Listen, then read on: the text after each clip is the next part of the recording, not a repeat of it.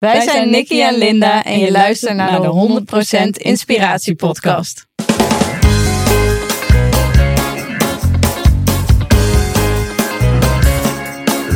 Hey, wat goed dat je luistert. Hij staat weer voor je klaar. Je wekelijkse dosis inspiratie is weer daar.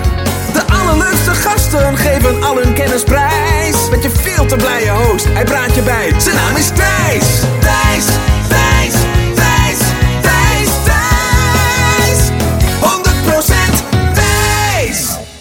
Ach, lieve luisteraar, dit is me toch een verhaal. Dit is me een bijzondere podcastaflevering.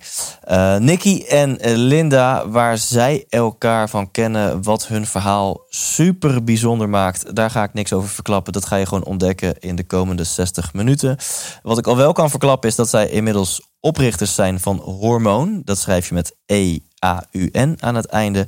Waarmee zij uh, coaching doen en ook een online programma hebben in het vinden van geluk. Waarbij zij zich richten op vier pijlers, namelijk op ademhalen, op kou, op uh, voeding en op mindset. Um, wat meteen een mooi linkje is naar premium leden. Want voor premium leden mag ik één van hun uh, 100 dagen geluksprogramma verloten. Mag ik gewoon weggeven. En voor premiumleden gaan we nog even verder en duiken we echt de diepte in op die vier pijlers. Dus voor premiumleden, ik weet dat je houdt van concrete inzichten, van super concrete tips die je meteen kan toepassen. We gaan zowel als het gaat om ademhalen, delen we een aantal hele interessante methodes die zorgen voor minder stress, voor meer rust. Ik deel ook een Wim Hof ademhaling die ik regelmatig doe en die me in vijf tot zes minuten in een diep meditatieve, uh, misschien wel zelfliefde staat brengt. We hebben het over kou, uh, um, waarom dit een uh, grote impact kan hebben op je mindset, maar ook op je weerstand, op je gezondheid. Um, als het gaat om gezondheid, deelt Linda een, eigenlijk een masterclass in het uh, uh, bijvullen van je bijnier en het voorkomen van een bijnieruitputting. En als je denkt dat je tegen een burn-out aan zit, of er net uitkomt, of erin zit, wat je kunt doen om jouw bijnier weer aan te laten sterken. Zowel een lifestyle tip als een tip als het gaat om een supplement wat je kunt nemen. Uh, dus het premium gedeelte, ja, je hebt me al vaker horen zeggen, dat is al gewoon die investering van 20 euro waard die je kunt doen op ikwilpremium.nl.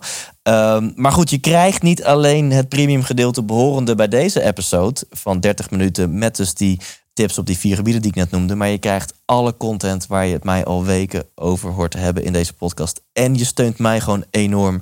Uh, want uh, door uh, jouw investering sponsor je tegelijkertijd de 100% Inspiratie Podcast. Dus mijn dank is groot als je mij wil sponsoren op ikwilpremium.nl. Oké, okay, genoeg geluld. Behalve dat je kan gaan naar ecopremium.nl, kan je ook gaan genieten van een heel bijzonder verhaal, een heel bijzonder gesprek. Hier zijn Nicky en Linda. 100% wijs! Welkom. Dank je Dit wel. is, dit is voor mij helemaal nieuw, want en ik heb mijn mijn handen vrij, ik heb geen microfoon voor me en uh, ik heb uh, twee gasten voor mijn neus in plaats van één. Dat is nog maar één keer eerder voorgekomen. Oké, Nicky en Linda, welkom. welkom. Dankjewel. dankjewel. Dan één voor één, nou laat ik Nicky dan maar bij jou uh, beginnen. De vraag, wat wil je worden als je later groot bent? Um, gelukkig. Nou, punt, hebben we dat gehad? Ja. Ja, daar mag je over uitweiden. Gelukkig. Ben je, ben je al gelukkig? Wat is voor jou ben- nodig om gelukkig te zijn? ik ben heel gelukkig. En, en eigenlijk voor mij is geluk dat iedere dag waardevol is. En dat als je naar bed gaat, dat je in bed ligt en denkt... ja, vandaag was weer een leuke dag. En er hoeft helemaal niet iets speciaals te gebeuren of een, een hoogtepunt of iets. Maar dat gewoon alle dagen gewoon leuk zijn. Ja, want dit zegt eigenlijk jouw definitie van waardevol is dan nu heel interessant. Want inderdaad, uh, dat maakt of jij jouw dag dus uh, waardevol vond of niet. Mhm. Want sommige mensen kunnen ook denken, nou, als ik mezelf elke avond die vraag ga stellen, dan uh, ben ik wel heel streng voor mezelf. Want ik heb ook dagen ertussen zitten dat ik denk, nu was ik echt niet waardevol. En was dat dan een mislukte dag? Dus hoe, hoe definieer jij dan waardevol? Um, ja, ik ben daar misschien heel simpel in. Um, als ik opsta, dan ben ik al blij dat ik wakker mag worden en dat er weer een dag is waar ik, een, waar, ja, waar ik keuzes heb, waar ik kan doen wat ik wil. En als ik die vrijheid heb en fijne mensen om me heen heb en ja, kan doen wat ik uh, leuk vind, dan uh, ben ik heel gelukkig. Ja, mooi. Dus je waardeert veel. Dat hoor ik, ik hier. waardeer echt, echt ja, de, de kleinste dingen. We kunnen echt met, met, met niks super gelukkig zijn. En dat, ja, dan hoeft er niks speciaals te gebeuren. Maar dat kan een eh, zonsopkomst zijn of een mooie maan. Of eh, een lekker kopje thee buiten in de zon. Ehm, Ja. ja, het is niet zo heel eh, lastig, vind ik vaak. Ja, maar dat is mooi. Je kan, Tony Robbins zegt dan vaak: eh, je bent gelukkig when life conditions meet your blueprint. En je Mhm. blueprint is hoe jij denkt dat het leven zou moeten zijn. En als het leven overeenkomt met hoe jij denkt dat het leven zou moeten zijn, ervaar je geluk. Van hé, er is een match. Dit klopt, ik voel me happy. Ja, Ja. Dan kun je dus twee dingen doen. Of je gaat als een malle ervoor zorgen dat jouw blueprint gematcht wordt. Eh, maar ja, als jouw blueprint best wel extreem is, van oh, mijn relatie moet perfect zijn, mijn gezondheid moet perfect zijn, mijn bankrekening moet perfect zijn, dan heb je best wel een grote kluif. ja, Je kan ook gewoon zeggen, nou ja, je hoeft niet de omstandigheden aan te passen, pas je blueprint aan. Ja. En jij zegt, nou, ik ben ongelukkig als ik wakker word. Ik Ja. leef, dat is een wonder. Hey, Ja. Ik hou adem. Eh, precies. ik, ik ben gezond, dus ik ben gelukkig. Ja, ja ik, ik zeg altijd, ik ben gelukkig. Ik ben in mezelf gelukkig. En dan maakt het eigenlijk niet uit wat er daarbuiten gebeurt, maar dat zit echt in mij. Ja. En dat ben ik gewoon. Net zoals dat ik blond ben, ben ik ook gelukkig. Ja. Nou, mensen die het misschien horen denken, ja, leuk zo'n blij ei. Maar heeft ze, dan, he- heeft ze dan ook wel eens tegenslag meegemaakt? Heeft ze ook aangetoond dat ze ook in moeilijke situatie positief kan blijven? Nou, Ja. Daar gaan we het zo over hebben. Snap ik. Eh, naast jou zit, eh, zit Linda. Wat wil jij worden als je later groot bent? Ja, ik schreef het vroeger al in de vriendenboekjes. Gelukkig. Jongen, jongen. Ja, super cheesy Ja, nu. Maar ja. dat is het. En welk beeld in de vriendenboekjes, hè? Dus dan, nou, dat is echt de basisschooltijd. Ja. Dan, eh, vrienden en vriendinnenboekje. Ja, Ik wilde per se een roze, weet ik nog. Eh, eh, mijn zoontje ook met prinsessen. oh, wauw. Ja, Ja, ja. En eh, ja, nu, nu gaan er allemaal genderneutrale, politiek relevante onderwerpen schieten door mijn hoofd heen. hè, dat, dat. Maar ehm, laten, we, laten we die kant niet opgaan. Wat, toen jij dat vroeger in die boekjes schreef, wat Ja. was dan jouw, wat was wel leuk om in de gedachten van een kind te kruipen? Wat was jouw beeld van een wat oudere Linda die dan gelukkig is? nou, ik was heel jong en toen verloor ik al heel veel mensen. En de ene door ongeluk, dus zelfmoord, eh, depressie. En andere mensen gewoon omdat ze ziek werden en Op- stierven. Op jonge leeftijd. Ja, echt vanaf tussen mijn vier en mijn elf was ik al meer dan tien mensen die, Wat? heel, ja, die heel dicht bij me waren verloren. Dus ik, ik dacht alleen maar, ja, ik wil oud en gelukkig worden. Dat, dat is mijn doel. En hoe interesseert me niet, maar ik ga daar komen. En ik ga genieten van iedere dag. En dat, dat was al iets wat ik als kind ambieerde. En ik wilde huizen flippen, dat ook. Bouwen en verkopen. Ja. Ja. Dat was het een beetje.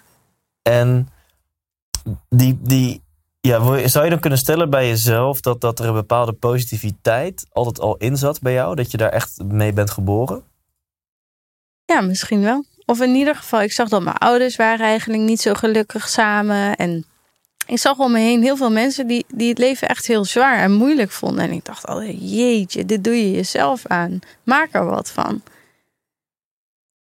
Kies je eigen weg. En daar heb ik heel lang mee gestruggeld ook om dat te doen. Om voor jezelf te kiezen en te zeggen, hé, hey, ik eerst en dan de rest. Maar als dat lichtje eenmaal aan is, dan kun je ook echt voor je eigen geluk gaan. Ja. En inderdaad die blueprint aanpassen. Niet denken, ik wil dat witte huis en die ton salaris en eh, eh, de directeur zijn van een bedrijf. We hadden het er net in de auto over met, ehm, met de cliënt. Wel, je kan ook gewoon kappen, daarmee kijken en denken, waar word ik nou eigenlijk gelukkig van? Dan zie je dat je al dat niet jou gelukkig maakt. Kijk terug naar die blueprint en begin opnieuw met schrijven. Dus waarvan jij denkt dat jou gelukkig maakt, is niet wat jou gelukkig maakt. Nee, ik was twintig toen ik kanker kreeg. En ehm, toen dacht ik echt, nou daarna rennen, rennen, rennen. Eh, HBO, post-HBO, universiteit, eh post-unie en twee kids. Ik wil directeur worden in een wit huis wonen met een groot zwembad. Getrouwd zijn. En Dit, dit dacht je tijdens je kanker van dit ga ik allemaal doen als ik dit overwin. nou, toen ik het overwonnen had, toen dacht ik, oké, rennen. En toen was ik tien jaar beter en toen zat ik op de bank. En ik keek naar mijn man en ik dacht echt van, fuck. Ik heb alles wat ik wilde, wat ik dacht dat ik wilde. Ik ben eigenlijk nog nooit zo fucking ongelukkig geweest. Pardon my French. En eh, dat was voor mij echt het belangrijkste moment in de afgelopen vijf jaar. Daarna ben ik echt verder gaan kijken. Terug naar die schrijftafel. Expectation management. En was een van de redenen dat je ongelukkig was dat jouw partner het verkeerde geslacht had? Nee, nee, nee, Dat- helemaal niet. Dat maakt niet uit. Nee, nee, nee. Ik denk echt dat je valt op iemand en in mijn geval dan ik val op een persoon en niet op iemands geslacht. Ja, Dat, is, eh, dat was geen dingetje voor mij. En wat ik interessant vind in dit verhaal is dat jouw, de, de labels die jij op gebeurtenissen plakt, zeker als kind, dat bepaalt voor een heel groot gedeelte hoe jij dus denkt over het leven en over de wereld. En tussen je vierde en elfde heb je wel van tien mensen afscheid moeten nemen, wat echt bizar is. Ja, En voor hetzelfde geld had je een label erop geplakt van beter kan je het leven maar geen eh, connecties aangaan, want Mhm. mensen gaan allemaal dood en doet alleen maar pijn. Weet je wel? Had je een heel sober en teruggetrokken en Mhm. eh, eenzaam leven geleid. Maar je Ja. hebt er een heel ander label op geplakt. Van ik ga daar iets moois van maken. Ik wil gelukkig zijn. ja, het duurde wel even voordat ik mensen echt dichtbij durfde te laten komen. Omdat ik dacht, joh, iedereen van wie ik houd gaat dood. Dus laten we dat niet meer doen. Maar nadat ik eh, ziek was geweest, dacht ik juist nee. Je hebt nu echt een tweede kans op leven. Je bepaalt je eigen, je eigen lijn. En, Ja. en ga ervoor. Dus een, een omslagpunt was toen je kanker had overleefd. Eh, of had overwonnen. Ik weet niet of dat jouw woorden zijn. Maar goed, je, je, je- je ben bent genezen. Ja, Eh, eh, dat was een omslagpunt. Maar toen wilde je keihard gaan achieven. Wel tien jaar lang, als ik dat goed hoorde. Ja. En daarna is weer een nieuw omslagpunt gekomen van... wacht even, ik ben nu aan het achieven, maar het maakt me niet gelukkig. ja. Kun je wat vertellen over dat omslagpunt? Nou, ik dacht echt toen ik beter was van... oké, je moet alles eruit halen wat erin zit. Dus ik heb echt bijna tien jaar lang, 18 uur per dag... had ik gewoon rennen, rennen, rennen, doen, doen, doen. Trouwen, kindje, studie, studie, werken. Ik werkte fulltime, deed een universitaire studie en runde een gezin. Dus dat was... Ik dacht echt, ik moet gaan. Maar pas toen ik tien jaar beter werd... kwam er een soort van ja, blikseminslag. Die zei, en nu moet je rustig aan gaan doen. De kanker komt niet terug. Je bent safe. Je kan Mm. ademen. Je kan gewoon genieten van je leven. En dat was echt, die kwam wel even binnen bij me. Je, je betrapt jezelf eigenlijk op een onbewust proces van... shit, elk moment kan die kanker weer terugkomen. Elk moment kan het Ja. leven voorbij zijn. Dus ik moet tien levens in één proppen en het maximale uit elke dag halen. Exact dat. En je hebt eigenlijk Ja. geleerd dat het maximale uit elke dag halen niet gelukkig maakt. En nou, Of wat is het maximale uit elke dag halen? Dat, dat is veranderd voor mij. En want de manier waarop je dat deed was 18 uur per dag rennen en alleen Ja. maar gaan. En dan zeg maar tot eh, drie uur werken, zodat ik eh, genoeg tijd had met de kinderen. Want ik wilde ook niet inboeten op mijn moedertijd. En dan wanneer die gingen slapen, dan weer gaan werken tot diep in de nacht. Slapen, zes uur wekker. Eén, eerst een uur trainen of yoga. Dan weer eh, gezellig ontbijt doen met de kids. Ze zelf naar school brengen. Werken, weer op tijd naar huis. Nou, en zo door. Hey, en de verbindende factor tussen jullie twee, dat is een, een, een derde persoon die we moeten introduceren. Dat is Ja. Daisy. Dat is Ja. Daisy, ja. Ja, en uh, Nicky, kun je daar eens wat over vertellen? Wie, wie Daisy is? Ehm, ja, de- de- eigenlijk gewoon vertel het verhaal. Ja, Ehm, nou, ik, ik ehm, leerde Daisy kennen in 2012. We zijn uiteindelijk samengekomen. Ehm, ja, het, het verhaal begint eigenlijk echt zeg maar, bij, bij dat ze kanker kreeg. In ehm, begin 2017. Ja, want je had een relatie met Daisy. Ja, ik had een relatie met Daisy. Nog, we jullie waren verloofd. Ja. Ja, Uiteindelijk. uiteindelijk. Ja, ja, ja. En ehm, ja, in 2016 zat er een, een, iets in haar enkel, of eh, boven op de, voor op de scheen eigenlijk. En daar zijn we mee naar de dokter geweest. Nou, er was niks, sportblessure. Nou, het bleef groeien, groeien. Uiteindelijk hebben ze het opengemaakt, bleek er een tumor in te zitten. Hebben ze het weggehaald. Ehm, binnen zes weken kwam de tumor eigenlijk weer terug. En was echt, echt zo groot binnen, binnen een paar weken. Weer eruit gehaald, kwam weer terug. Ehm, en toen hebben ze eigenlijk de keuze gegeven: ja, we kunnen het nog een keer weghalen, maar je mag ook kiezen om je been te laten amputeren. Nou, ze was er inmiddels zo klaar mee dat ze zei: Nou, doe dat been er maar af. Want het- Ja, want ik neem aan dat het weer behandelen had hele grote risico's. Ja, ze dachten wel dat het weer terug zou komen. En, maar ze zeiden wel: Het is nog steeds goed aardig. Dus ja, het, we halen ook niet zomaar een been eraf. Maar zij was best wel vastbesloten en zei: Ja, dat, dat been moet eraf, want het hoort niet meer bij mij. Het is nu al zo vaak geopereerd dat ja, Dat voelde ze. ze, ze wist gewoon dat been dat hoort niet meer bij mij, dat moet eraf. Wauw. En gewoon het hele been. Eh, Tot Van- net onder de knie. Oké, ja. Dus dat scheelt voor een prothese, scheelt dat flink. ja. Dus je knie, de knie had ze ja, dan nog. Ja. had ze nog. En dat was in oktober 2016. Ehm, en toen kregen we in mei, ehm, januari 2017 de controleuitslag. En dat zou eigenlijk gewoon de uitslag moeten zijn van... goh, het is allemaal goed, ga maar weer eh, ja, ga maar leren lopen met een prothese. Ja, niks spannends. Nee, want ze zeiden na de operatie al, nou, alles is weggehaald. Snijranden zijn schoon. ehm, ja, het is wel goed. Ja. En we Ze had ook nog eventjes tussendoor de kwalificatie gedaan. Hè?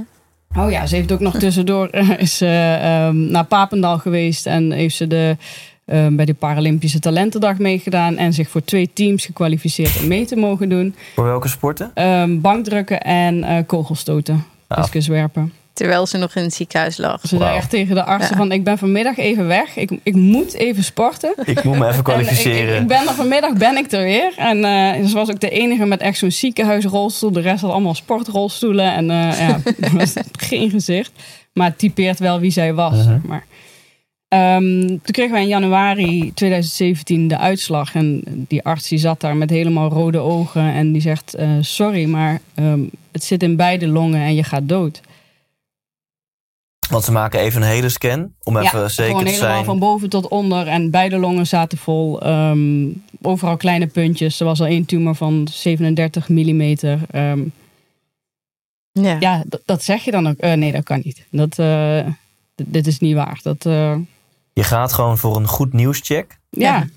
En je krijgt te horen ook niet van een kans dit, kans dat. Het is gewoon, Nee, hey, we zien dit. Het is eh, drie maanden tot drie jaar, maar je bent, wel, je bent er echt klaar mee, zeg maar. En alles wat we kunnen doen is verlengen. Maar we weten ook niet hoe. Dus we hebben eigenlijk echt ehm, gegoogeld, zeg maar, samen met de oncoloog om, eh, om een behandeling eh, te zoeken en uit te kiezen. En ehm, ja, zo hebben we het eigenlijk eh, nog een jaar vol weten te houden. En jullie zijn tijdens deze periode, eigenlijk voor dit slecht nieuwsgesprek, zijn jullie al begonnen met vloggen, toch? Ja. We hebben een. We wilden een serie maken eigenlijk alleen over de amputatie, want daar was vrij weinig over te vinden voor jonge mensen. En deze zei, ja, misschien is het wel leuk als we dat gaan filmen, ook voor onszelf. Want het is altijd lastig als je ergens bent om terug te kijken van, goh, ik ben eigenlijk al heel ver gekomen. Ehm, wilden we eigenlijk de hele weg gaan ehm, documenteren van hoe is het herstel? Hoe doe je dat nou als je thuis komt uit het ziekenhuis? Eh, hoe ga je voor de eerste keer de trap op eh, zonder benen? Dat soort dingen. Dus we waren de serie eh, Twee Potten, Drie Poten begonnen. en ehm, toen dat slecht nieuws kwam, toen hebben we besloten om er toch mee door te gaan. Omdat we zelf merkten dat, natuurlijk het was een klap. Maar wij voelden ons niet verslagen of, of ongelukkig of ja, dat soort dingen. En we, we zagen ook via Instagram heel veel positieve berichten. Ja, dus daar zijn we eigenlijk gewoon mee doorgegaan met, met die serie op YouTube ook. En op Instagram om eh, eigenlijk alles eh, te documenteren. Hoe, hoe is dat eerste vlog na dat gesprek gegaan? Want het ene vlog is nog, oh, weet ik veel, we hebben vandaag of morgen dat gesprek. En, eh, eh, en dan, bam, is dat gesprek daar en besluit je van, we gaan door met die vlog. Hoe, hoe, hoe doe je dat, hoe heb je dat aangepakt? Ik kan het me niet meer precies herinneren, zeg maar, de eerste vlog na. Want alle, Oké. ja, het is wel een, een, een grote waas ook sommige periodes natuurlijk. Maar ik weet dat we, we zijn toen naar Antwerpen gegaan. We, toen dat slecht nieuws kwam, zeiden we, we moeten er even uit. Toen zijn we zeg maar op, op vakantie naar, naar Antwerpen gegaan om even eruit te zijn. En daar hebben we gewoon echt besloten van oké, dit is super kut. Maar we gaan er alles uithalen wat erin zit. En, en we gaan er wat van maken. En, en niemand heeft het recht om ons eh, plezier af te pakken en ons geluk af te pakken. Dus eh, dat kunnen de artsen niet doen. En dat hebben we zelf in de hand. Wauw, ja, je geeft wel antwoord op de vraag die ik wilde stellen van, hè, welk label... Hè, we hebben het over labels, blueprints tot nu toe gehad. Welk label hebben jullie erop geplakt? En het Ja. was eigenlijk meteen het label van... oké, niemand, de artsen niet, kanker niet... Nee. niemand kan ons geluk van ons afpakken. Nee, ze hebben ons vaak voor gek verklaard. Ook in het ziekenhuis. Ja. Dat ze zeiden, maar je weet wel echt dat ze doodgaat. Hè? Dus Ja. we zeiden, ja, dat weten we. We hebben ook de euthanasiegesprekken gehad. We, we- al die dingen regelen we. Maar daarna stoppen we het in een laadje. Gaat het laadje dicht en dat gaat weer open als het nodig is. En het heeft geen zin om iedere dag te denken, ja, ik ga dood. Ja, iedereen gaat dood en zij gaat iets sneller dood. Maar dat weten we en dat heeft geen zin om daar iedere dag bij stil te staan. Want dan heb je weer een dag verprutst die je eigenlijk hebt. Ja. Zoals deze zei, kut is het toch al. Ja, wij zeiden altijd, kut is het toch al. Je Dus je kan maar beter lachen. Je Want kan er wel in gaan liggen marineren, maar goed, Ja. ja, Ja. het is gewoon een feit dat het kut is. kut is Ja. het toch al, dus maak er wat van. Neem het aan als een feit. Laat de, emotie, laat de emoties dicht en gewoon kei en kei en keihard leven. En ja, dan is toch wel de vraag die opborrelt hoe, weet je wel. Want natuurlijk, dit is, als we allemaal machines waren, iedereen wil die knop omzetten. Of het nu Ja. kanker is, of het is een trauma uit je jeugd, of het is iets waar je ontevreden over bent, of het is een Mhm. beperkende overtuiging. eh, of weet ik veel wat. We willen allemaal die knop omzetten, weet je. Ja. Maar helaas werken wij mensen zo niet. Maar jullie hebben die knop toch kunnen vinden. Ja, en natuurlijk, dat, dat lukt ook niet meteen. Want natuurlijk ben je verslagen en doet het pijn. En, en lukt dus ook niet iedere dag. Maar we gaven ons altijd maximaal 1, 2 dagen eigenlijk van... Oké, nu mag het even helemaal, eh, helemaal kut zijn. Sorry voor mijn woorden. En, Ja, dat kan hier. ehm, Ja, daarna, het leven is er nog steeds. Als je vandaag, wij zeiden wel eens tegen elkaar... Oké, als we vandaag niet zouden weten dat je kanker had... Dan was vandaag gewoon een goede dag. Dus waarom zouden we er niet iets van maken? En de dokter zei drie maanden tot drie jaar. Het is uiteindelijk ongeveer een jaar geworden. Ja, een jaar en, en twee, drie maanden. Maar dat wist je natuurlijk niet. Hoe, hoe zijn jullie dan ehm, dat, ja, daarmee omgegaan? Ja, dat heb je net gezegd, maar concreet. Maar zijn jullie andere activiteiten gaan doen? Van hey, we gaan nu nog de hele bucketlist erbij pakken. Weet je? Ja, dus hoe, hoe we zijn jullie de, ja, dag- en een, weekindeling eh, gaan aanpakken? Ja, we hebben wel een, een bucketlist gemaakt. Eh, we zijn getrouwd, we zijn op huwelijksreis geweest. Ehm, we hebben alle leuke dingen die voorbij kwamen aangepakt. Ehm, ze heeft als spreker eh, opdrachten gehad. Ehm, Compleet plantaardig gaan eten. we zijn compleet Hele plantaardig gaan eten. Ehm, ook om zeg maar alles te stimuleren dat we de kracht bleven houden. En ehm, ja, we, we zijn gewoon echt van alle kleine dingen gaan genieten. En, en ehm, ja, zo hebben we de dagen eigenlijk dag voor dag eh, aangepakt. En we zijn niet gestopt met lange termijn plannen maken. Wauw. Ze, heeft ook, ze, ze is gewoon gaan trainen voor de Paralympische Spelen. Ze zegt, ik weet dat geen één arts denkt dat ik 2020 haal, maar ik ga wel gewoon trainen. Ze heeft wel nog een Nederlands record eh, gegooid met eh discuswerpen, of ehm, kogelstoten, sorry. Mhm. Ehm, tussen de chemo's door heeft ze daarvoor getraind. En ja, we zijn gewoon niet gestopt met leven van, oh ja, ik kan misschien maar voor een jaar een plan maken, want misschien ben ik er daarna wel niet meer. Ja. Je kan ook al plezier beleven aan het plannen op zich en, en hopen dat je het eh, wel haalt. Maar deze is vooral begonnen met leven. ja, zij is echt door de kanker zeg maar de, de beste versie van zichzelf geworden. Want heel veel mensen die de serie hebben gekeken, die denken, wow, zij was positief. Maar toen ik haar leerde kennen in 2012, was ze denk ik een van de meest pessimistische personen Oh, die ik me kon eh, voorstellen, zeg maar. En zij heeft echt door die kanker, heeft ze, is ze van zichzelf gaan houden. En is ze van, van alles gaan genieten in plaats van alles eh, negatief in te zien. En hoe verklaar je dat? Zijn dan maskers van haar afgevallen of zo? Of hoe? Oud zeer losgelaten. Oud zeer losgelaten vooral, ja. Ja. Dus, eh, Stoppen met dragen. Gewoon Ja. fuck it eigenlijk. Dat Ja, kon dus ineens van dat, fuck dat zei ze ook heel vaak. Ja, Ja. Daisy heeft echt een hele lastige jeugd gehad. eh, Dus, eh, meervoudig, eh, jarenlang misbruikt en verkracht. Eh, echt, er is weinig positiefs over te melden. Die was van nature, die is niet als heel positief meisje geboren. Ja. En ehm, ja, toen ze het stempeltje kanker kreeg, kon ze een, heel, een heleboel dingen die ze al die jaren vast bleef houden ergens, pas loslaten. ja, ze dacht, ja, het maakt allemaal niet meer uit. Ik, ik ga gewoon. Ik heb misschien nog maar even. Dus ja, het maakt me allemaal niet meer uit wat er gebeurt. Dus ik, ik heb vandaag en eh, daar ga ik voor. Kon zich gewoon lossnijden van alle persoonlijke trauma's. en Ja, alle... oh kak, ik ga dus dood. De, de- oh, ja, dan... eh, ja, dus ze heeft misschien het laatste jaar wel meer geleefd dan dat ze Ja. anders in heel De- veel jaren had geleefd. Ja. Ja, dat Ja. zei, zei ze ook Ja? heel vaak. Ja. Ja. Ze zei, nu pas voel ik liefde voor mezelf en respect voor mezelf. En ben ik trots op mezelf en wie ik ben. Maar dat was een dure les. Ja, want juist als je dan zo van het leven aan, aan het genieten bent, wordt het dan niet nog pijnlijker dat, dat je doodgaat? Ja, Ja, ja zeker. ja absoluut. Ze wilde ook echt niet. Hoe, hoe is dat de laatste, echt de laatste paar dagen gegaan? Nou, ik, ja, ik wist eigenlijk nog niet dat het de laatste paar dagen was. We waren wel, zeg maar, voor de laatste keer uit het ziekenhuis ja, naar huis gestuurd. En dan neemt echt de verpleging afscheid van je. Van, goh, het was fijn om voor je te hebben mogen zorgen. En Daisy was daar echt super boos om. Die zegt, ja, die denken nou dat ik dood ga. Ik moet misschien naar huis, maar ik ga echt niet dood. Ja, zij bepaalde eigenlijk een soort van... ja, de volgende keer kom je niet meer bij ons. Ja, dat was heel Dat pijnlijk. is Ja. heel lastig. Dus ja, dan ga je naar huis in principe met... Ja, de artsen denken dan dat je nog een maand, twee maanden hebt ongeveer. En ehm, ja, die hebben we gewoon thuis gespendeerd. En ook daar zijn we weer volle bak voor herstel gegaan. Voor eh, dat ze weer uit bed kon. Want ze had een longontsteking gehad, dus ze was best wel verzwakt. En uiteindelijk uh, kon ze na twee weken weer lopen met prothese. En uh, is de oncoloog zelfs nog bij ons thuis geweest. En ze deed de deur lopend open. En die oncoloog die viel zo wat om, zeg maar. die dacht echt, oh shit, ze is er nog. En ook nog zo fit en sterk.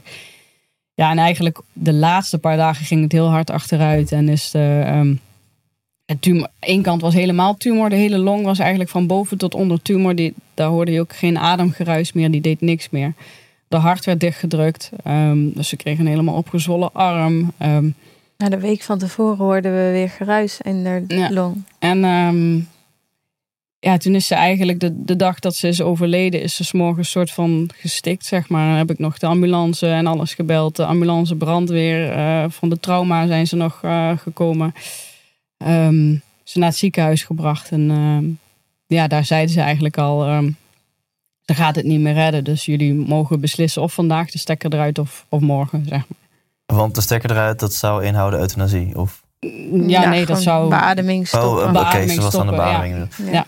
En, en ze wilde dus echt niet dood? Nee. Hoe is dat? Heeft ze er vlak voordat ze ging nog... Uh, uh, ja, vrede mee kunnen sluiten? Heeft ze het nog kunnen accepteren? Uh, ja, ik, ze was eigenlijk op het laatste heeft ze het wel helemaal losgelaten. En, en de, de laatste, ja, ik weet niet wanneer was het, de laatste weken, maanden, was ze wel echt ook oké okay van oké, okay, ik. Ze was niet meer bang. Ze was niet meer bang om dood te gaan. Ze wilde echt niet, want ze vond iedere dag nog steeds te leuk. Al kreeg ze zuurstof en al kon ze zeg maar alleen nog in een rolstoel zitten. Um, en, en de hele dag appen, vol met dormicum. Ja.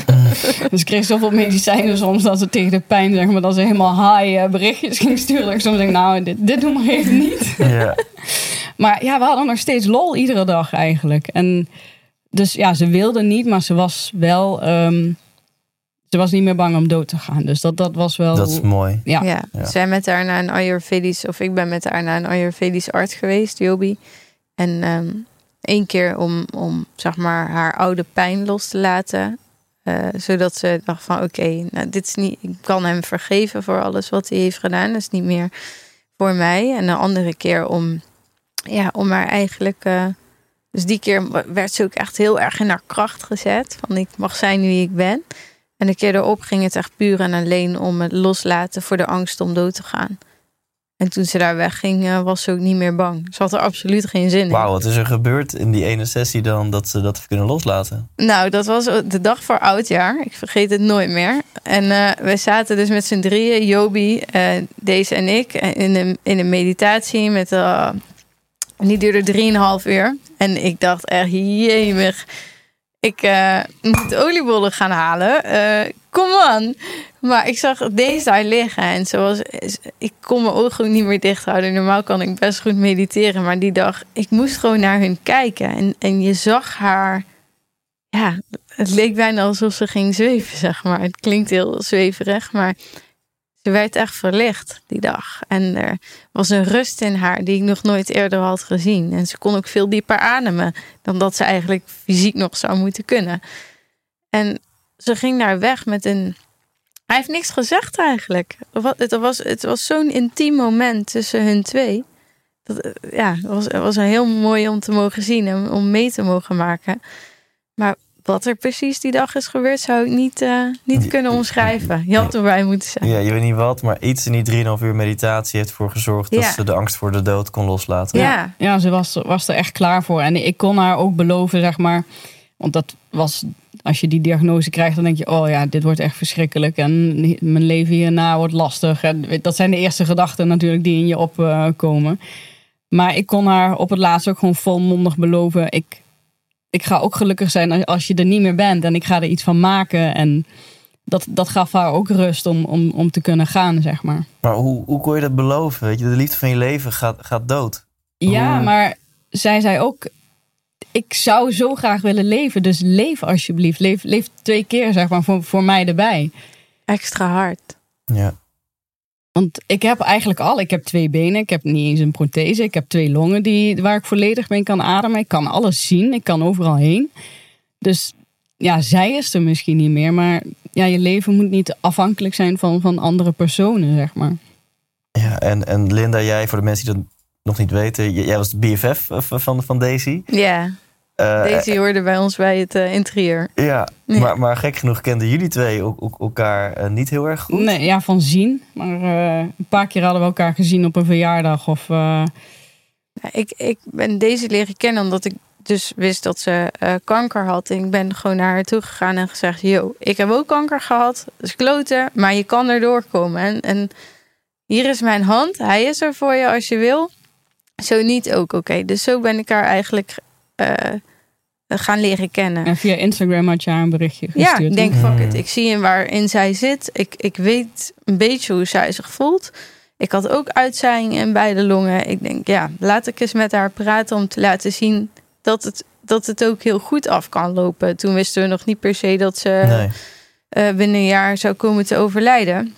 En eigenlijk in dat jaar is ze bijna iedere week gewoon van woensdag de hele dag bij me geweest. En draaide ze gewoon mee in ons gezin. En ehm, ja, Nick was aan het werk. En de maanden dat zij niet aan het werk was, eh, ja, kon zij even gaan sporten. En bleef ik bij Daisy bijvoorbeeld. Ja. Dus ja, ik, ik ken haar helemaal niet. Ja, en, en Daisy heeft jou gevraagd om één ding te beloven voordat ze ging. Ja, ja, ik moest beloven dat ik voor Nicky zou zorgen. Ja, wist ik overigens niet, hè? Nee, en ik dacht echt, ja, oké, ik, zorg, ik zorg dat ze te eten heeft en dat ze een plek heeft om te slapen. En eh, ik, ik zal haar helpen waar ik kan. Maar ja, ik ken, ik ken haar verder niet. Maar uit respect voor jou zal ik doen wat ik kan. Dat, dat, dat was mijn antwoord. Ja, dus toen een dag na de begrafenis of Nee, op vrijdag, eh, was het- eh, vrijdag eh, belde Nicky. Ik stapte net de trein in. Ga nooit met de trein. En net voordat de deuren dicht gaan, ik zie Nicky belt. Wat moet zij nou? Dus ik stap uit en Nick zegt tegen me... Lin, als je nog afscheid wil komen nemen van deze... moet je nu naar het Radboud komen. Wow, ehm, oké. Dus ik ben in de auto gestapt. Ik ben naar het Radboud gereden. En we zijn daar eigenlijk met z'n allen gebleven de hele dag. Deze had nog één wens. Ze had een liedje geschreven samen met Bram. En Bram dat we- Boender. Ik en- weet niet of je... Hij heeft met eh, Idols meegedaan, Hm. volgens mij. Ja, ook. En bij eh, House of Talent. Hij is in ieder geval een goede zanger. En ze hadden samen een liedje gemaakt. Ehm, en dat wilden ze nog heel graag aan Nicky laten horen. Dus wat we hebben gedaan is eh, Bram gebeld. Gezegd hoe het ervoor stond. En hij is met zijn gitaar naar het Radboud gekomen. En heeft op de IC, terwijl ze aan de beademing lag... eh, met iedereen er- erbij nog het liedje mogen zingen. Wauw. Ja, dat was eh, intens. Wauw. Ehm, ik ben om 11 uur gegaan, geloof ik. Samen met Do en de rest. En om 12 uur, iets voor 12, is ze ingeslapen. En op eh, zaterdag heb ik er gebeld van, yo, hoe is het? en op maandag, eh, op zondag eh, was ik weer richting Deurne aan het rijden. En toen dacht ik, nou, ik bel erop dat ik er morgen ben. Want ze al twee dagen niet gegeten heeft, dan moeten we maar eens even kijken hoe het gaat. Maar ik wist dat haar zusje er was. En ik had ook al contact gehad met haar zusje van hoe gaat het. En ja, vrij snel eigenlijk een groepsapp aangemaakt en iedereen een schema gegeven om ik een beetje op van. te En ik, letten. ik dacht, god, dat is fijn. Er komen de hele tijd mensen. Die, dan komt die, dan komt die. En iedereen die... Maar we hadden gewoon een soort een eh, heel app met een draaiboek. schema. Ja, dat wist ik echt niet. Ja, de hele koelkast was gefermenteerd en ik Oh. weet het allemaal niet. De, de rouwbloemen stonden een maand lang eh, in de woonkamer. En je ging bijna van je eigen af als je daar Oké, dus dat, dat, dat, dat ik ga gelukkig blijven, dat in, in Dat ging supergoed. Oh. Maar ik was gewoon, ik keek verder nergens naar. Ik ging op de fiets, ging naar buiten, ging ik mooie zonsondergangen zoeken. Ik ging een eentje uit eten. Maar de post openmaken, de koelkast schoonhouden en de bloemen opruimen. daar- ik dacht Nee. echt, ja, kan mij wat schelen, weet je. Ik ga toch eh, in een restaurant eten. Dus dat, eh, dat hele, die koelkast, die kan me niks Ja. schelen. Dan ging ze in een eentje weer in een restaurant eten en dan kwam ze thuis. En dan keek ze een keer in die woonkamer en liep ze weer naar boven of zo. Ik weet het niet. Nou, en Linda, toen stond jij een keer voor de deur met pompoensoep. Ja, dat was de maandag al voordat deze eigenlijk eh, vanuit eh, het ziekenhuis weer terug was gekomen. En toen was het druk, hadden we een, eh, een schema gemaakt. Maar eigenlijk kort daarna zei ik: Oké, je hebt niks te doen. En jij gaat alle kanten op in je eentje. Kom maar mee klussen. En toen zijn we eigenlijk aan het klussen geslagen. Nou, want jij, wa- jij was net gescheiden en eh, huis verkocht. En je woonde bij, eh, ze woonde bij haar moeder met de kindjes. En ehm, ja, net een nieuw huis gekocht waar nog heel veel aan geklust moest worden. Nou, zij vond klussen leuk. En er was geen land of pad mee te bezeilen. En ik had het druk, maar moest wel op haar passen. Ja, en je zat in een burn-out. Dus eigenlijk hebben we elkaar leren kennen op het moment dat we allebei helemaal eh, van het padje af waren. Totale dysfunctie. Dus we zijn maar gewoon begonnen met klussen iedere dag. Daar hadden we iets te doen. En ehm, zo hebben we elkaar eigenlijk leren kennen in, eh, in kluskleren en met de Beetje de- aanhanger aan het rijden. De En, eh, weduwe en de overspannenen, zeg maar. ja, eh. ja, eigenlijk wel. ja, Gezellig. ja, ja, je zou denken van god, dat is verschrikkelijk. Maar wij konden elkaar heel goed accepteren hoe we op dat moment waren. En ja, ondanks dat we allebei ergens eh, onder in de put zaten, ging, Ja. ging het wel goed. Wat ons verbond was de liefde voor het leven. Dat we echt dachten van ja, alles kan dan wel kloten zijn. En we kunnen wel helemaal onder in die put zitten. Maar die maan, die is nog steeds prachtig. En die zon komt morgen ook weer op. En die paardenbloem, die kunnen we morgen weer gewoon wegblazen. Ja. Wat nou moeilijk doen? Dit is wat we hebben. Doe het daar maar mee. En dat, dat, dat was jullie verbindende factor. Wa- Waar is die, die vonk overgeslagen? Ja, dat was eh, pas later, denk ik. Ja. ja, gaandeweg leerden we elkaar kennen en vonden we elkaar steeds leuker. En 2 augustus hebben we onze eerste echte date gehad, zeg maar. En daarna ben ik nooit meer weggegaan. Ja. Was het gewoon, ja, Ja, Nick bleef wel eens slapen, omdat ze in het begin had ze heel veel moeite om alleen te slapen. En waar ik normaal met vriendinnen zou je ze een knuffel geven en zeggen, nou, kom wel goed, wel rusten. En dat was niet. Wij jij sliep daar, ik sliep daar. Het was altijd wel zeg maar een ijzige. Achteraf denk je van, oh, was dat dan al dat je dacht van, oh, laten wij maar afstand houden van elkaar. Terwijl, eh, ik moest mee naar een concert. Vond, vond Ja. echt iets niet mijn ding. Maar er kwam een liedje en dat, dat was ook nog niet uitgebracht. nee. En zij begint dat te zingen en ik moest huilen en jij moest huilen. En dat was, dat was gewoon de spijker op zijn kop. Het leek net of ze dat liedje voor ons geschreven hadden. En Wie was dat? Helder Nova. Ja, het is een beetje alternatieve muziek. Ja. After All This Time heet het liedje. Het is nu wel uitgebracht Ja, trouwens. en ja, daar, toen wisten we het eigenlijk allebei zeker van ja, Dit is het. dit is, dit is het, klaar. Dit, ehm, want je denkt natuurlijk, ja, dit is helemaal niet de ideale tijd. Je bent net je vrouw verloren. ehm. maar ook toen heb ik gedacht, ja, weet je, dit is wel wat Daisy wilde. Ik moest leven en, en alles omarmen wat, wat er op mijn pad zou komen. Dus En deze heeft ook zo vaak gezegd van... Ja, jij kent Nicky niet, maar jullie zijn eigenlijk zo'n perfect match. Dat, dat ja, Wat, wat zal als Daisy op, op jullie toekijkt nu? Wat zal ze ervan vinden? oh, ja, die, is lag alleen maar blij. kapot. Die mag zich kapot. Ja, Die zit high five met altijd tegen mij Tetris. bezig van, Ja. oh, Linda is zo leuk. Het was altijd Linda voor, Linda achter, Linda zus, Linda zo, Linda heeft dit, Linda kan dat.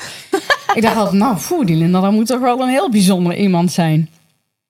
En expectation ja, management. en oh, als je het, want ik wilde nooit kinderen, echt gewoon, als Niet. je, ja, ik schreeuwde altijd als hardste, ik wil nooit kinderen. Ik vind dat stom, ik ben daar te egoïstisch voor, ik weet niet. Mhm. gewoon wil ik niet. En deze zei altijd, nou, als je de kinderen van Linda leert kennen, dan wil je wel kinderen. nou, en eh, Linda heeft dus twee kinderen en ik kan me niks eh, leukers bedenken, zeg maar, dan eh, samen met z'n vieren een gezinnetje te vormen. Mm, Ja, Wauw. Jij kwam bij mij thuis aan met een drone. En jij loopt naar buiten met Ava. En eh, Ava is de oudste, mijn dochtertje. En die, ik zie vanuit het keukenraam dat zij Nicky vastpakt. En ik zag haar echt helemaal open gaan. Terwijl zij is normaal niet zo open naar mensen die ze niet kent. Maar ik zag haar echt Nicky vastpakken. En ik, ik, ik aanschouwde een heel intiem moment. Dus ik wist helemaal niet wat er aan de hand was. En wat had ze tegen je gezegd? Ja, ze, ik werd daar ook echt door overvallen. Ze pakte me vast en zegt, ik vind jou lief en wanneer ga je met ons op vakantie? En ik kan wel een knuffel van een kind. Ik bedoel, dat is normaal. Ja, geef je een knuffel terug. Maar ik voelde dat er echt zoiets speciaals was van... je hoort bij ons, kom je bij ons. Ja. Ja, en die kinderen zijn zo mijn hart binnengelopen, Ja. zeg maar. Dat, dat was Wat, wat deed dat houden met aan. je? Wat, dat ze dat vroeg? Ja, ik was heel... Ik kon niet eens antwoord geven. Ik, ik zei, eh, ja, dat wil ik wel. Eh, ik weet niet wanneer. Ik denk ook, ja, dat is een hele rare vraag. Ik, eh, wanneer ga je mee op vakantie? Eh, weet niet of Linda dat wel wil. Oh ja, ja. Dan gaan er in één keer alle dingen... Mooi, gewoon die puurheid van Ja, een kind. En jij als volwassene, al die Ja. filters en Ja, zo. dat je Ja. denkt, oh, help op. Ja, ik wil wel, maar hoe? Ja. ja, nee, die kinderen zijn recht mijn hart binnengelopen. En, Ja. Was ook toen Daisy kwam te overlijden. Oh, dus, dus nu komt Nicky bij ons, toch? Voor hen was dat heel vanzelfsprekend van, nou Mhm. moeten wij voor Die haar voelden dat zorgen. al. Ja, Ja, oké. Mhm. Nou, het mag duidelijk zijn, jullie zijn happy together. ja, Die aanname doe ik even. ja. En, en jullie ja, hebben gemerkt, natuurlijk al tijdens het vloggen, van hé, hey, dit, is, dit is niet normaal. Hoe positief wij in het leven staan, ja. dat vinden wij normaal, maar daar kunnen andere mensen wat van leren. Het klinkt Maar heel andere belerend, mensen maar ook zo. Ja. Hm?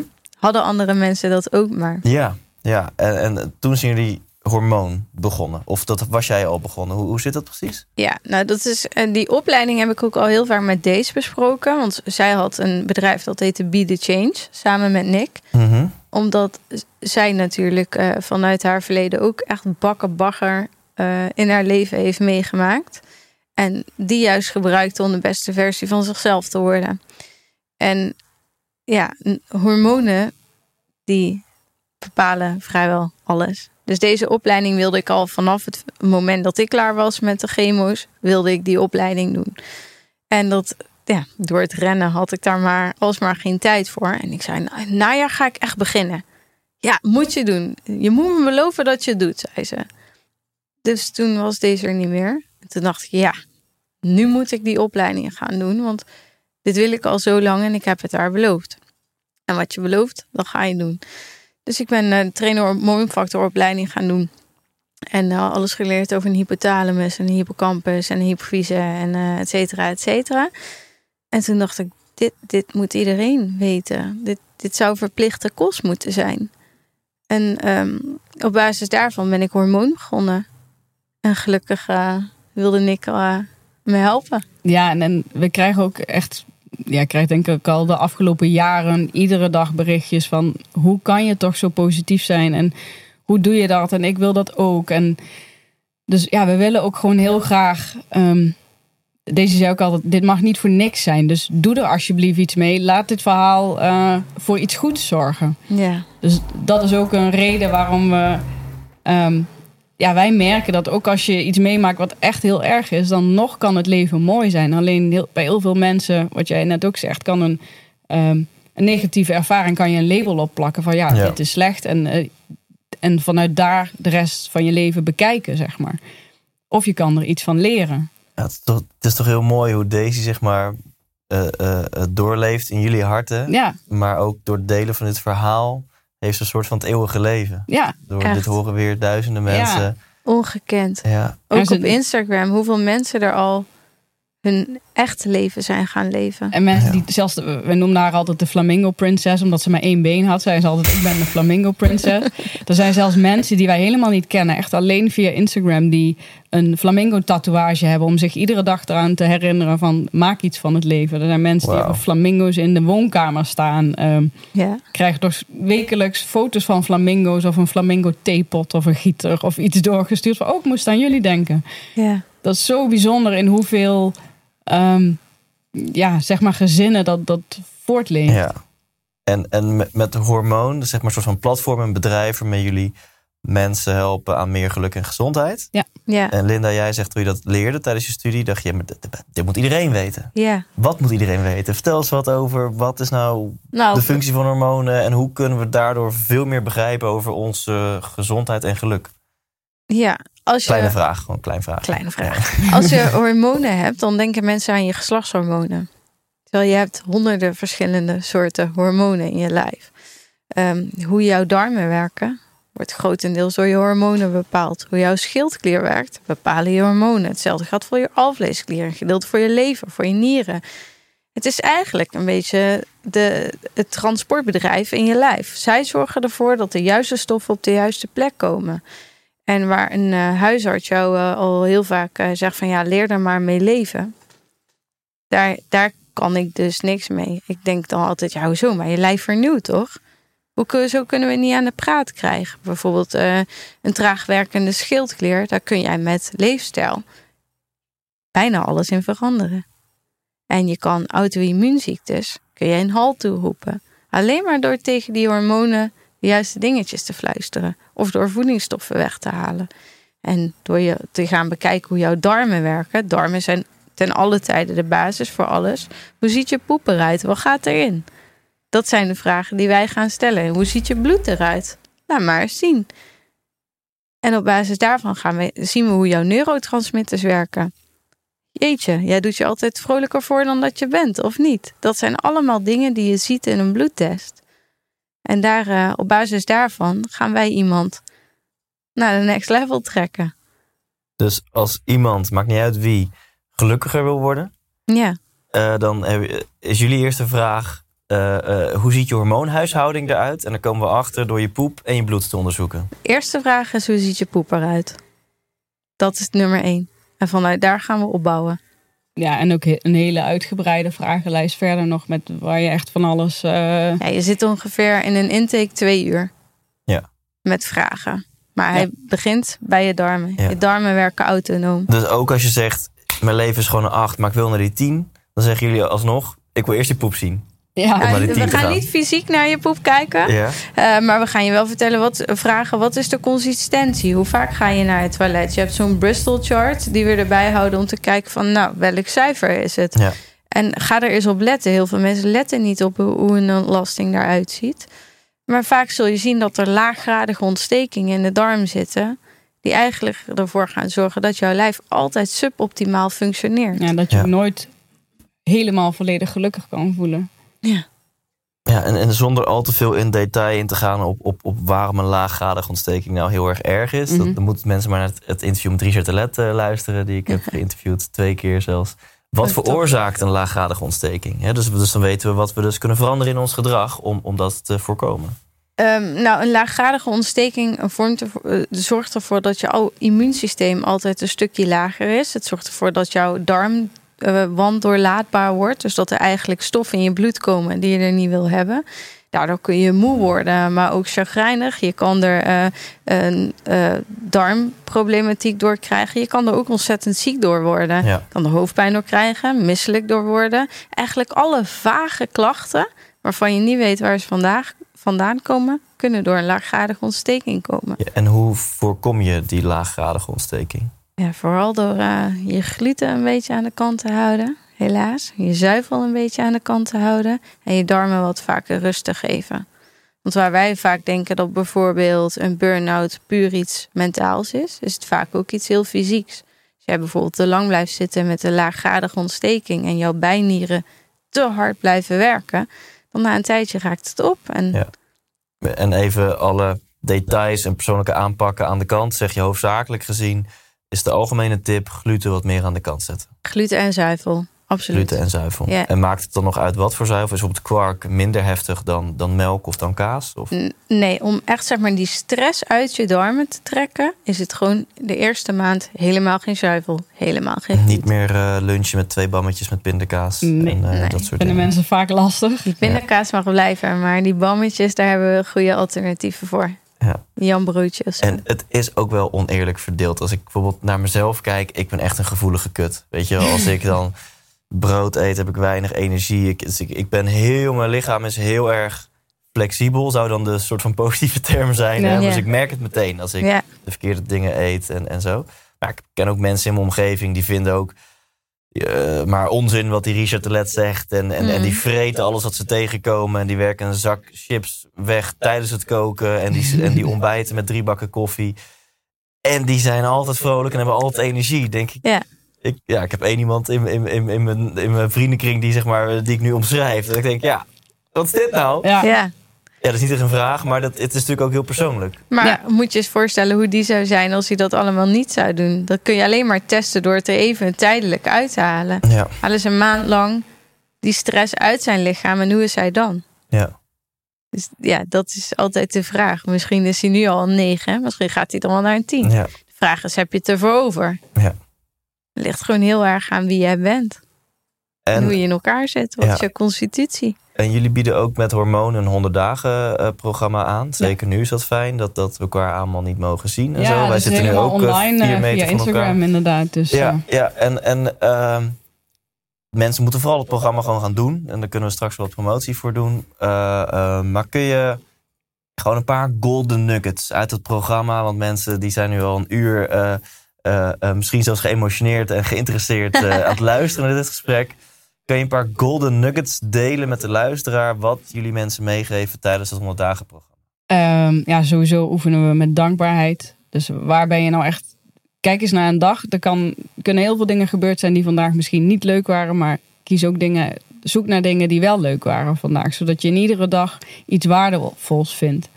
Daarnaast hebben we eigenlijk iedere dag een dagopdracht waar mensen mee aan de slag kunnen. Of een stukje in de spiegel kijken van goh, hoe reageer ik op bepaalde zaken? Zijn er dingen in het verleden waar ik ehm, eigenlijk altijd naar gekeken heb met waarom moet mij dit overkomen? Maar hoe kan ik er een les uit halen en het eh, voor mijn toekomst zeg maar positief inzetten?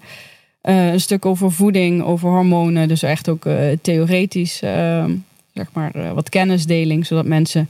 We geven geen voedingsschema's zeg maar dat is misschien wat mensen wel vaak graag willen. Van nou, zeg het me maar. Maar we delen liever kennis. Zodat mensen ook na die honderd dagen gewoon zelf de juiste keuzes kunnen maken. Ja.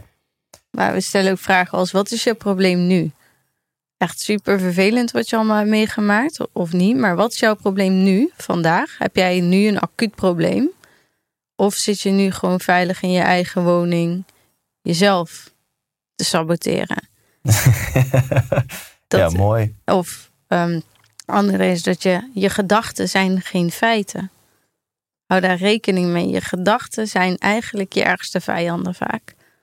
En als iemand anders in jouw huis zou komen en jouw gedachten over jezelf tegen jou zou zeggen, zou je hem dan omarmen of je tent uitzetten?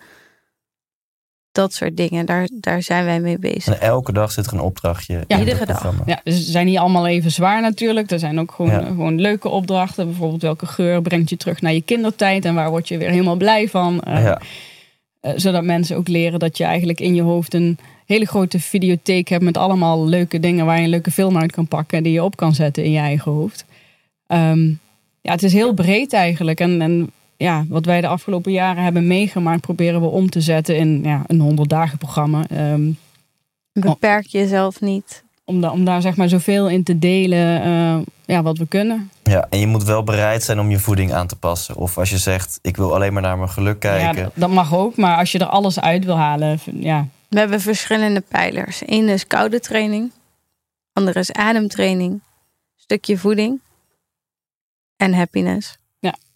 En mensen kunnen er in principe, ja, wij zeggen probeer alles. Want dan heb je waarschijnlijk het uh, grootste effect natuurlijk. Maar als jij uh, um, alleen zegt, ja, mijn voeding is al helemaal prima, wil ik niks op aanpassen. Dan kan je ook alleen uh, de dagopdrachten doen die over happiness gaan. Maar ja, wij willen het liefst wel volledige inzet. En dat is in principe ook ja. wel een vragen van mensen. Top. Nou laten we zo dadelijk voor premiumleden nog even ingaan op, op ademhaal en koude. Vind ik wel interessant wat daar dan in jullie visie de, de link is naar een gezonder en gelukkiger leven. Mm -hmm. uh, maar voor dit gedeelte gaan we bijna afronden, helaas. Maar als mensen meer informatie willen vinden, dan kunnen ze kijken op hormoon.nl. Ja, klopt. Met, met EAU. Met EAU, ja. ja. Hormoon.nl. En daar kunnen ze de, de 100 dagen challenge aanschaffen. Of de 100 dagen programma aanschaffen. De, de 100 dagen kunnen ze vinden via onze Insta. Ja. Oké. We beginnen 1 september weer met een nieuwe groep. Ja. Maar uh, tot die tijd, uh, het is echt een besloten groepje. En we willen ook ja. van iedereen weten hoe een leven in elkaar zit. Oh, dus ja. wordt een soort van sollicitatie is het begin. En in de eerste week leggen we altijd een fundering en stellen we ook een contract op. Met wat zijn de vijf pijlers waar jij aan gaat werken in de komende honderd dagen. Dat hoeven niet onze pijlers te zijn, dat moeten jouw pijlers zijn. En, en wat is het wat je wil bereiken? Tof. Via Insta en, kun je ons vinden. En jullie hebben iets van vier Insta-accounts, toch? Jullie persoonlijke, dan hormoon en dan de 100 dagen. En een klusaccount, ja. ja. En Nick en ik gaan verbouwen, inderdaad. Ja. Daarin delen we alles wat we maken. Heel veel vrouwen denken dat ze niet kunnen klussen. Terwijl wij, wij bouwen alles. Het is allemaal geen hogere wiskunde. Nee. Nou, tegenover, zit, zit, uh, tegenover jullie zit een man die niet alleen denkt, die weet dat hij niet kan klussen. Dus dat is ook Nou. weer interessant. Nee, echt, ik, ik, ik ga nog op, uh, hoe heet dat programma? Uh, werkspot.nl uh, als ik een schilderijtje op moet hangen. Nee. Nee joh. Ja, Maar Oh we gosh. zijn wel bezig om een daar gaat mijn kluscursus te maken. mannelijkheid. Ja, we zijn wel bezig om een kluscursus te maken voor vrouwen eigenlijk. Maar nou, ik met mijn roze vriendinnenboekjes van Ja. vroeger eh, kan ik gewoon denk dat je mee aansluiten. mag doen, ja. Gezellig. Nee, ik, ik, hoe ik het altijd, het label wat ik daar dan op plak. Dus ik zeg, hey, ik ben ondernemer, ik ben goed in het maken van geld. En met dat geld kan ik andere mensen inschakelen die dingen kunnen doen waar ik Ja. niet goed in ben of waar ik geen energie van krijg. Ja, helemaal top. En eh, Ja, als jij klussen echt super stom vindt, dan moet je dat zeker niet doen. ja. Ja, het is ook de, de, de, de haat is wederzijds. Hè? Ik Oh. hou niet van klussen, klussen houdt ook niet van mij. Mm. Ja, ik had ook gewild dat anders was, maar ik heb het ermee moeten doen.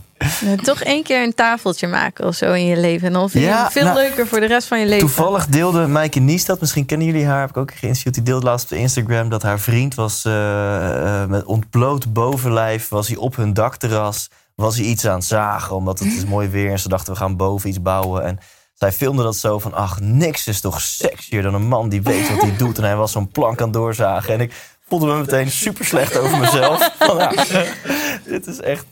Oké, als dit het beeld van mannelijkheid is, dan ben Ja, ik echt totaal niet mannelijk. Dus ik dacht, nou misschien moet ik, al is het voor dat gevoel van mannelijkheid, misschien moet ik inderdaad maar een keer een tafeltje in elkaar Ja, beunen. zo, Ja, maak je zo'n kom tafeltje na. Nou, ik wil wel van een eh, drum onder. Dit gesprek echt een hele rare wending. Maar goed, ik wil van een drum onderdeel, van mijn bassdrum, wil ik een salontafel maken. Oh, tof. In principe is dat een, is dat een bassdrum op zijn kant zetten en een Ja. houten plaat erop leggen. En, ja, eh, of glas. je bent er al, ja, misschien glas. pootjes dus misschien moet met dat glas maar eens dan, ja. dan heeft het ook nog iets met drummen te maken. Dat vind ik wel leuk. Dus misschien moet ik maar Cool. eens, Leuk idee. Ja, jij bent er van enthousiast. Ja. Ja. Ik denk dat Pinterest er al helemaal vol mee staat. Ik denk als je Pinterest eh, drum table zoekt, dat je... Wij snappen Pinterest niet overigens. Andere mensen schijnbaar Ja, wel. precies. Ja. Maar misschien snapt Pinterest jullie dan ook weer niet. Nee, dat ook weer... ik denk dat dat wederzijds is. Ja. Nou ja, je hebt ook... ehm, de meeste drumstellen zijn van hout. Maar je hebt ook drumstellen van... eh, ik ben even de naam van het materiaal kwijt. Maar die doorzichtig zijn. Mhm. Zijn Ja. van... Plexi? Ja, of misschien wel van plexi. Of nou, in elk geval kunststof wat doorzichtig is. Ik denk...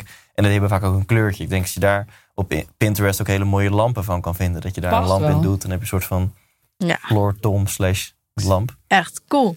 Eh, hoe kom ik hier nou op? Oh ja, via, via Instagram. Dus, dus ja, mensen moeten maar gewoon eh, eh, jullie gaan checken op Insta. We zijn nu een zwembad aanbouwen. Wat we stap voor stap aan het... eh, Delen zijn. ja, Ja. En dat is dus op één van die vier Instagram-accounts. Nick en ik gaan Ja. verbouwen. Ja. Nou, voor het overzicht zullen we ze gewoon in de description allemaal zetten. Helemaal goed. Welk Instagram-account moeten mensen dan hebben voor jullie 100 dagen programma? Gewoon hormoon. Oké, gewoon hormoon. Ja, de Met hormoon EAU. 100 dagen, de hormoon 100 groep, die is echt alleen maar beschikbaar voor de mensen die in de groep zitten. Ja. Het is geen openbaar account. Oké, top. Nou, mensen moeten dat dan zeker gaan checken. En Ja. mensen die nog meer willen over eh, eh, ademhalen en over koude training, die moeten gewoon maar lekker premium lid worden. Daar doe ik in de outro nog wat promotie voor. Zometeen, dat hoort de luisteraar vanzelf. Maar ehm, voor jullie, is er nog een slotwijsheid die jullie willen delen met de luisteraar voor het einde? We hebben de, een één ademhaling die we geleerd hebben zelf is de 4x4. En die kun je echt altijd doen waar je ook bent. Stel je bent super nerveus voor een interview eh, met Thijs of eh, je gaat iets doen. Ga dan vier seconden inademen. Vier seconden niet ademen. Vier seconden uitademen. En vier seconden zonder adem blijven. Als je die een keer of twintig herhaalt, dan is alle stress uit je en kun je weer door met waar je mee bezig was. Ik vind het mooi. Soms dan komen hier hele wijsheden uit, maar ook heel vaag daardoor. Don't do drugs. En het leven draait om verbinding of whatever. Dit is gewoon even een how-to. Dus Ja, vier seconden in, ja. vier seconden vasthouden Vier, Vier seconden, seconden uit. uit. en vier seconden Stoppen. stoppen. Ja, dat haalt Wil je je- weer even terug naar nu. En Ben je gestrest? Vind je iets spannend? Eh, wil je gaan slapen, maar zit je hoog in je hartslag? Die helpt Ja. altijd. Het is gewoon En- een en- sniper breath, maar hij is ideaal. En jij zegt 20. Sommige mensen kunnen dat al te groot vinden. Dus ik zou dan zeggen, doe, er eens vijf. En Ja. als je naar die vijf denkt, oh, nou, misschien is Ah, wel lekker, ik ga door. Maar eh, je mag ook daarna stoppen. Maar dus de kans is groter dat je het gaat doen als je je inzet op Ja. vijf. Ja, Ehm, dus ik wil de luisteraar dan gewoon uitdagen om dat eh, te gaan doen. ja, Ja. doe eens. Dank jullie wel. Jij bedankt. Jij bedankt, ja.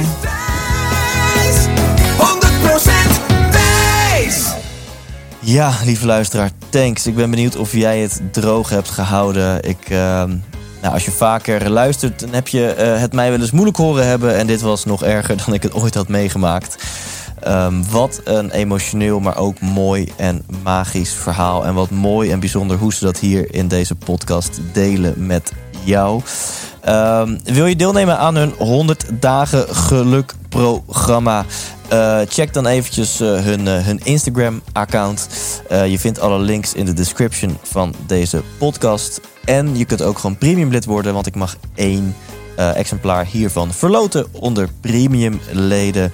En waar we aan het einde van het interview, waar we het daar heel kort over hebben, daar gaan we in het premium gedeelte uitgebreid op in. Concrete tips voor ademhalen, hoe je meer rust, minder stress kunt ervaren in een simpele techniek die je in twee minuten kunt uitvoeren. We hebben het over kou, waarom dit een grote impact kan hebben op je gezondheid en je mindset. En tot slot hebben we het over hoe je een bijnieruitputting kunt voorkomen en wat je kunt doen om jouw bijnier weer aan te sterken. Dus gewoon een hele concrete masterclass, heel concreet stukje extra content voor premiumleden op ikwilpremium.nl. Dus ik zou het heel tof vinden als jij bij dit clubje mensen wil horen en tegelijkertijd mij en deze podcast wil steunen. En dan ga ik gewoon lekker door hiermee. Thanks daarvoor, tot volgende week en leef intens.